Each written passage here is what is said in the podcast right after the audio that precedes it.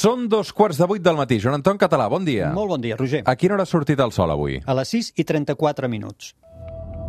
3, 2, 1, seganya!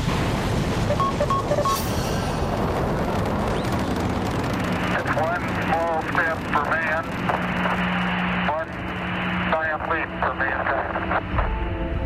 Com està, Joan Anton? Molt bé, Roger. Això és la Terra es plana. Cada diumenge a l'hora que surt el sol, ciència, astronomia, física, química, una mica de tot. Mm. I avui amb un concepte que d'entrada diries ostres, què té a veure això amb el Joan Anton i amb la ciència? Perquè avui parlarem de altruisme.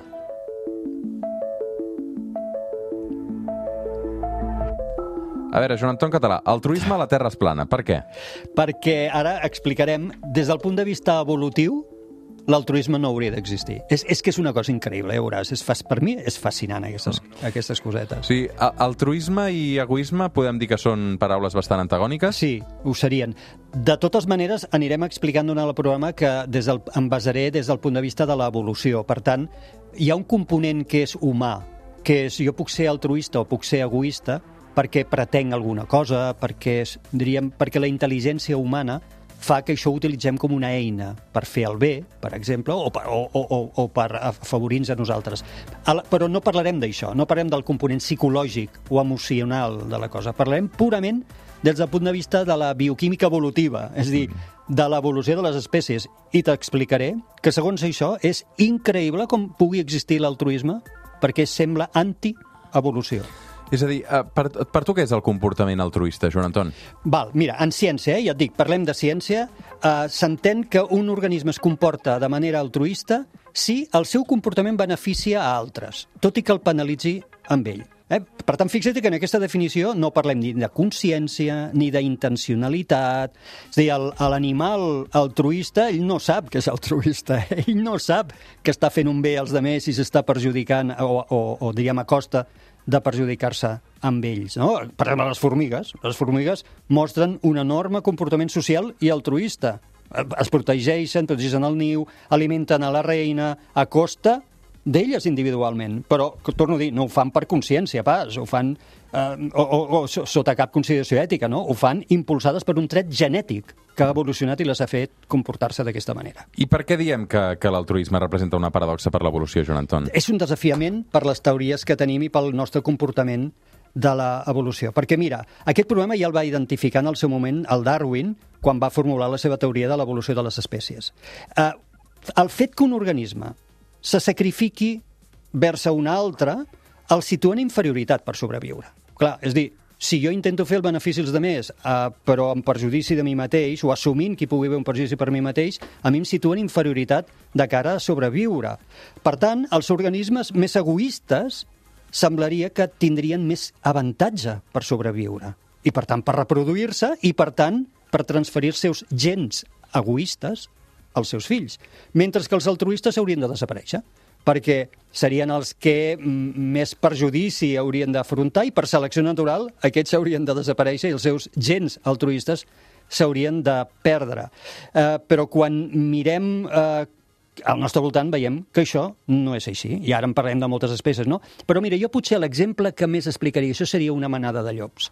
Una manada de llops col·labora per caçar un cèrvol, però assumeixen un risc. El cèrvol, poca broma, eh? pot matar perfectament un llop. Imagina't que hi hagués un individu egoista en aquesta manada, que seria l'individu que es manté en segon, eh, en segon terme, que no assumeix el risc, que se'n beneficia de la cacera, no? Que s'alimenta perfectament, no té un desgast, per tant es reprodueix, té avantatges evolutives claríssims. Semblaria que els seus gens egoistes haurien d'acabar-se transmetent majoritàriament i aquesta manada, finalment, després de moltes generacions, hauria d'acabar sent una manada de llops egoistes, però això no passa. Mira els lleons que fan caçar les lleones. És un comportament masclista, jo diria. No? Segurament dir que sí. masclista, egoista, masclista, típic, però no entrem en aquest tema ara. Però sí, sí que eh, ho penses i dius, ostres, com, com, és veritat, no? Com pot haver progressat aquest comportament altruista de moltes espècies? Escolta'm, eh, i, i sí que hi ha animals més enllà dels lleons i les lleones que són altruistes o no? Oh, moltíssims. Mira, molts tipus d'insectes. Pràcticament tots els insectes sociables. Formigues, termites, abelles, eh, on només es reprodueix la reina. I la resta d'individus se sacrifiquen per treballar, per la reina. Sense aparent recompensa. Aquí no hi ha recompensa, ben bé al contrari, tenen un desgast individual, assumeixen els perills de sortir del niu, s'enfronten amb possibles rivals, etc. Algunes espècies d'ocells, moltes de fet, on els pares reben ajut d'altres individus per protegir els nius, que no són seus. Els ratpenats vampirs, el vaig trobar, aquest és xulo, vomiten la sang que els acaba d'alimentar per compartir-la amb membres de la colònia, que no han aconseguit aquella nit suficient aliment. En algunes espècies de micos, quan es detecta la presència d'un predador, alguns individus xisclen alertant els demés a costa de significar-se ells, no? de, de, delatar-se ells i atraure l'atenció del predador. Les marmotes fan una cosa similar. Els humans també eh, tindríem aquest component, però aquí ja et dic, en el, en el tema humà es barregen moltes altres consideracions de conducta, no? d'ètica o de conducta, que en el cas animal no hi són. I a mi m'interessa més aquesta part, l'animal, perquè no es barregen aquests altres components. I per què? Com és que, que són altruistes, aquests animals? Clar, aquí, bé, la paradoxa anem a resoldre. Llavors, sense intentat dir no, com és que ha evolucionat això. I va aparèixer una hipòtesi que s'anomena del benefici grupal. La va formular ja Darwin i defensa que eh, el, aquest comportament altruista, que és clarament perjudicial a nivell d'individu, però beneficia a nivell de grup. De manera que bueno, el grup se'n beneficia. Però hi ha un problema amb tot això, que és que la selecció natural, tant, tant li és tot això, la selecció natural actua a nivell d'individu, no de grup. És a dir, quan la natura decideix eliminar un individu, ho fa perquè considera que aquell és el que s'ha de menjar un depredador, o perquè està malalt, o perquè és el més lent. La natura no es planteja si el grup hi guanyarà o no en l'eliminació eh, d'aquest individu. Per tant, aquesta teoria del benefici grupal, mm, com que fa una mica, una mica d'aigües, Llavors van intentar salvar aquest punt, no? I van dir, va, doncs reformulem aquesta hipòtesi del benefici grupal i l'elaborarem de la manera següent. Diu, quan es produeixi competència entre grups, aquell grup que contingui individus altruistes tindrà més èxit com a grup. Eh? I sobre el grup que té al costat en el qual està competint, per exemple, per menjar. D'aquesta manera, el grup egoista acabarà, acabarà extingint-se i progressarà el que té individus altruistes i, per tant, propagaran els seus gens cap a les generacions posteriors, que també seran eh, altruistes. I això es podria aplicar, per exemple, a l'exemple de la manada de llops. No? Eh, la manada de llops eh, que col·labora serà més eh, reixida que una manada de llops eh, egoista. Eh? I aquest podria ser una explicació, però novament ens trobem en un problema greu. Eh, només que aparegui un sol individu egoista per una mutació, imagina't, eh? en un grup altruista, aquest individu egoista es beneficiarà dels demés i finalment aquest grup hauria d'acabar sent tot egoistes i per tant desapareixerien en aquesta competència i això no ens quadra.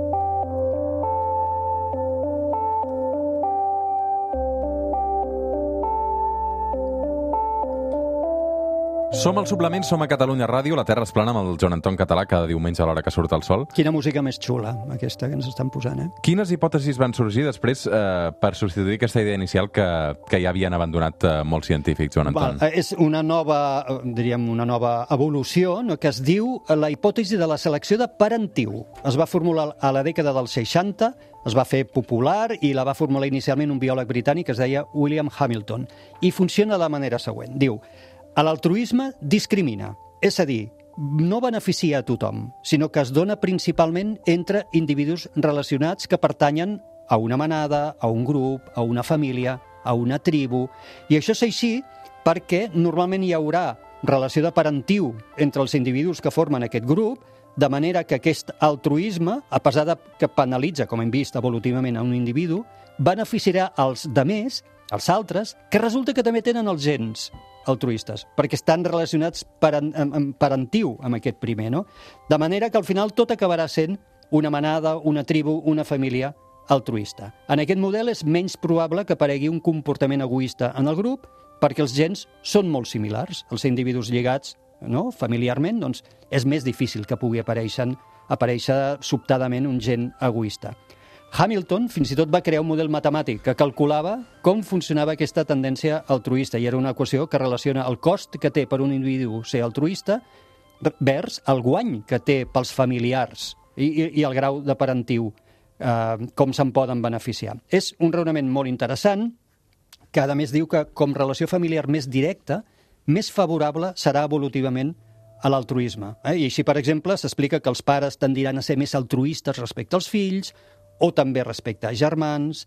Eh, hi va haver un genetista britànic, m'agrada molt la frase, és, eh, és molt famós aquest home, es deia Haldane, que va crear una frase que diu donaria la meva vida per dos germans, per quatre nebots o per vuit cosins, eh? Al·ludint en aquest altruisme de la similitud genètica que hi ha sent un 50% igual en el cas dels germans, un 25% en el cas dels nebots i un 12,5% de similitud genètica amb un cosí.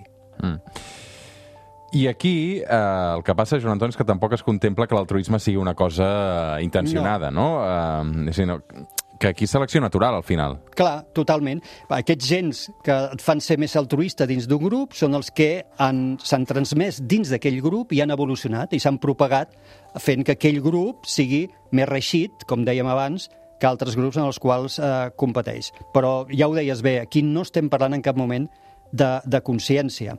Eh, per exemple, amb els humans hi ha clarament un sentiment de re reciprocitat. Si tu ets altruista en mi, jo potser tendiré a ser-ho més amb tu. Uh, però aquest no és un argument evolutiu. Eh? Aquest és un argument de consciència o d'ètica o com li vulguis dir.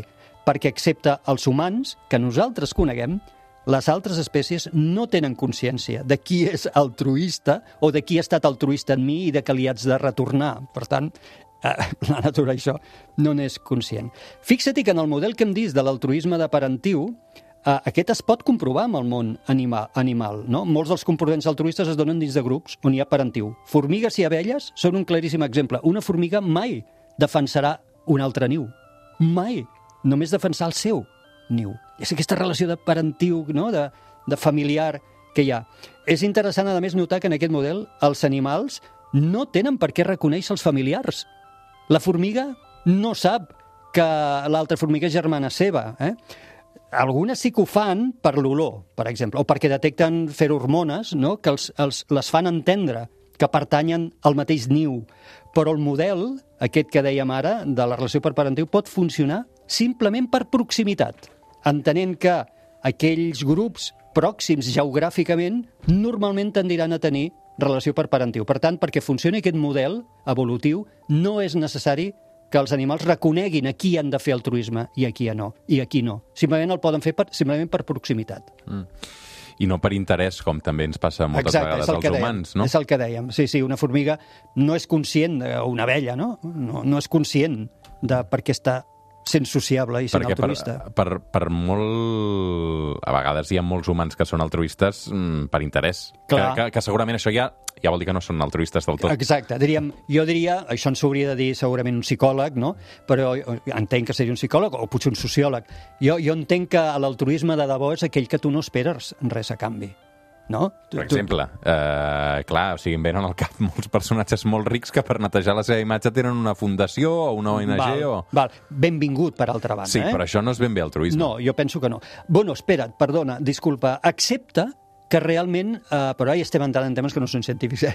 és opinió personal, accepta que al darrere hi hagi una voluntat de ser altruisme, altruista. És dir, val, jo, jo em deduiré impostos, però si no ho he fet, si aquest no és el meu objectiu, el meu objectiu és que jo, que sóc ric i tinc pasta, vull contribuir a la millora de l'educació de les nenes i els nens més desfavorits del món. Si aquest és el meu objectiu, bingo. Si en això em, em trec impostos, doncs me'ls trec. Però és el motiu pel qual jo ho he fet, penso, eh? Sí, com sigui una lliçó fantàstica de, de vida i d'humilitat i d'humanitat per nosaltres, pels humans, eh? Sí, clar, és el que dèiem, l'altruisme a la natura que sembla que no hauria progressat, fixa-t'hi, doncs evolutivament ha progressat. I per tot el que hem explicat, amb el cas dels humans hi juguen molts altres factors de conducta i de consciència, és dir, nosaltres volem ser o no volem ser altruistes perquè, perquè ho decidim d'aquesta manera. I com que podem posar intel·ligència i intencionalitat, home, no estaria de més, amb tot això que hem explicat, que consideréssim que la nostra tribu, o la nostra família, o el nostre grup, que ara hem vist que evolutivament té importància, no fos només la nostra família, no fos només el nostre país, no fos només eh, Europa, no? i fos la humanitat. Que bé que ens anirien les coses, no? si tinguéssim aquest concepte gregari de dir tots som homo sapiens, tots, i per tant l'altruisme que jo faig no és només pels meus fills, no és només pels meus amics, no és només pels catalanets, és per la humanitat. Que bé que ens anirien les coses. La intel·ligència artificial, tu creus que serà altruista, Joan Anton, o no? Ah, molt bona aquesta. Un dia dedicarem un programa Ah. perquè ja saps que hi ha veus molt importants del món una d'elles, n'hem parlat molt i no és precisament el meu heroi, que és Elon Musk, que estan demanant una moratòria o un estudi, diríem, ètic i moratòria sobre el desenvolupament de la intel·ligència artificial, perquè ves tu a saber si aquesta ciència-ficció que hem vist a les, a, peli, a les pel·lícules està més a prop del que pensem,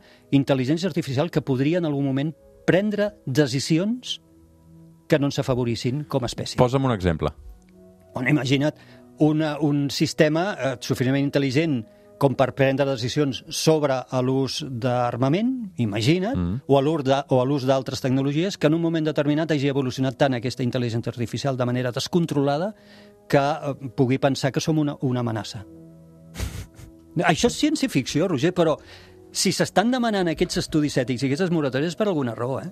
Això està avançant a un ritme espectacular. Vaig veure un estudi del City Group que deia, fa 20 anys, qui s'hagués imaginat que avui, avui tindríem smartphones i que des del metro des del carrer estaríem veient pel·lícules en alta definició? Ningú fa 20 anys s'ho hagués imaginat. Què serà el món d'aquí a 20 anys o 30 anys?